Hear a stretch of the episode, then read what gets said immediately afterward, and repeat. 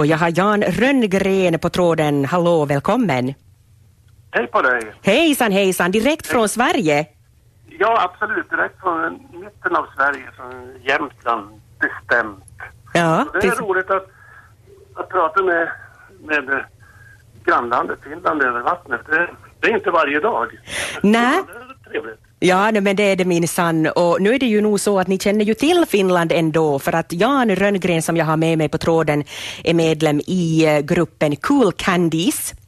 Och eh, för eh, de som inte känner till Cool Candies så kan vi ju berätta att gruppen har varit här tidigare, då i en liten annan formation, men man spelade i Närpes för ett antal år sedan, eller hur Jan? Ja, det stämmer. Cool Candies är ju en av Sveriges äldsta fungerande, om vi kallar det för dansband som man säger i Sverige då.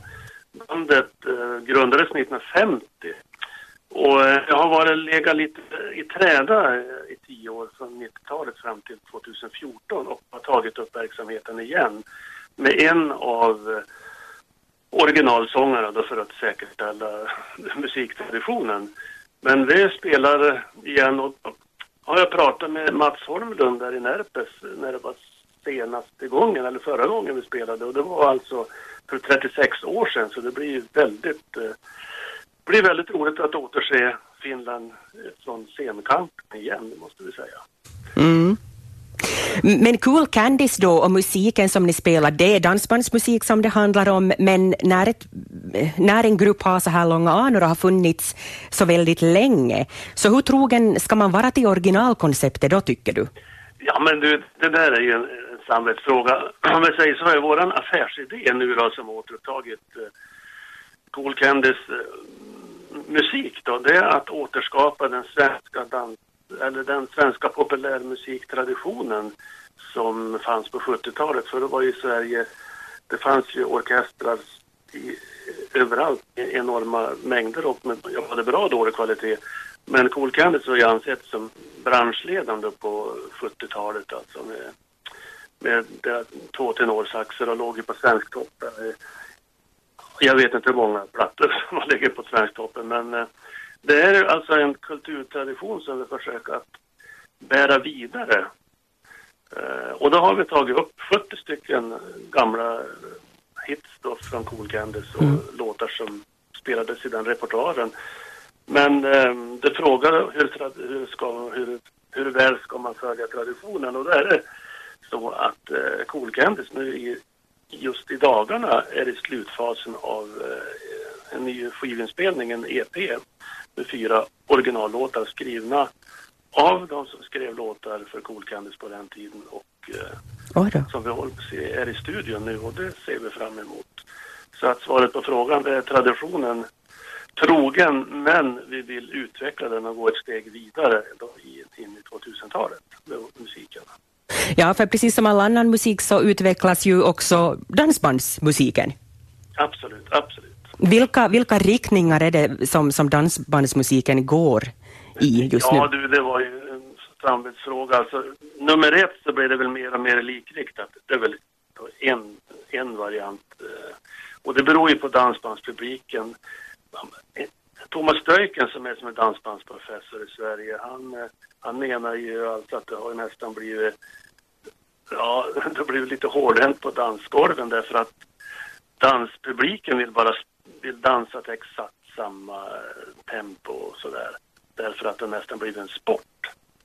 Just det. Eh, Och det är väl lite si och så, men eh, svaret på frågan, jag, det har väl varit en dansbandskris och det är ju den, de här stora banden som far runt och jag vet inte, det handlar också om arrangörerna, att de ska våga arrangera. Det finns ju en, en risk alltid när man arrangerar något, om det går ihop sig ekonomiskt. Men vad det gäller musiken så, det går ju åt, eh, jag tror att det går lite åt eh, det raska, eh, åt, mer åt rock'n'roll-hållet skulle jag vilja påstå. Just det, okej. Det är någonting som du personligen gillar, att du, att du tycker om den utvecklingen?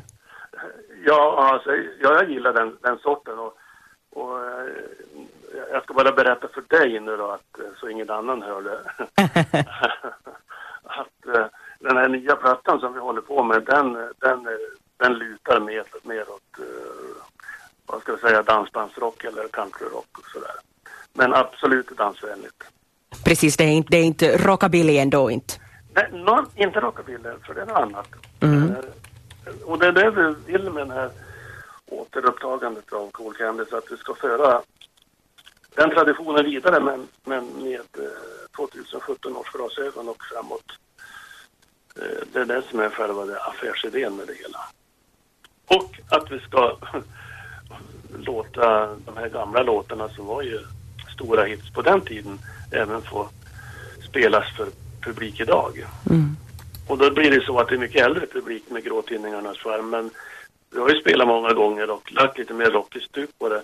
Ungdomar de dansar jitterbug hur mycket som helst till, till Göta kanal och Jämtgubben och alla de här stora hitsen som Cool Candice hade på 70-talet. Mm. Den 23 juli då kommer ni att uppträda på Rörgrund i Närpes. Vad har ni för förväntningar av den här spelningen? Ja, det, vad vi förväntar oss. Sångaren Bengt Norman som var med i Cool Candice på den tiden, ja, innan de la sig på hyllan där. Han ser fram emot det väldigt att få vara i Österbotten för att eh, han sa det blir roligt att se om jag känner igen någon i publiken. Det blir roligt att uppleva igen efter alla dessa år liksom och se liksom hur, hur har saker och ting utvecklats i Finland och Närpesområdet. Så, så det blir roligt och jag vet inte, men jag och vi som har pratat om det här, vi tror att eh, dansbandspubliken i Finland är mer danstrogen än vad den är i Sverige för tillfället. Det tror vi. Vi får väl se. Ja, precis. Vi får se ifall om vi imponerar på er eller ifall, ifall om ni blir besvikna. Men jag tror inte att ni blir besvikna. det tror inte jag. Nej, för tusan. Det tror jag inte alls. Utan det är upp till oss liksom att spela så att det spritter i benen. Mm. Och det är alltså den 23 juli som ni kommer att uppträda på Rörgrund i Närpes Cool Candies. Tack ska du ha Jan Gröngren för att du var med i sändning. Tusen tack själv. Vi hörs, hej då.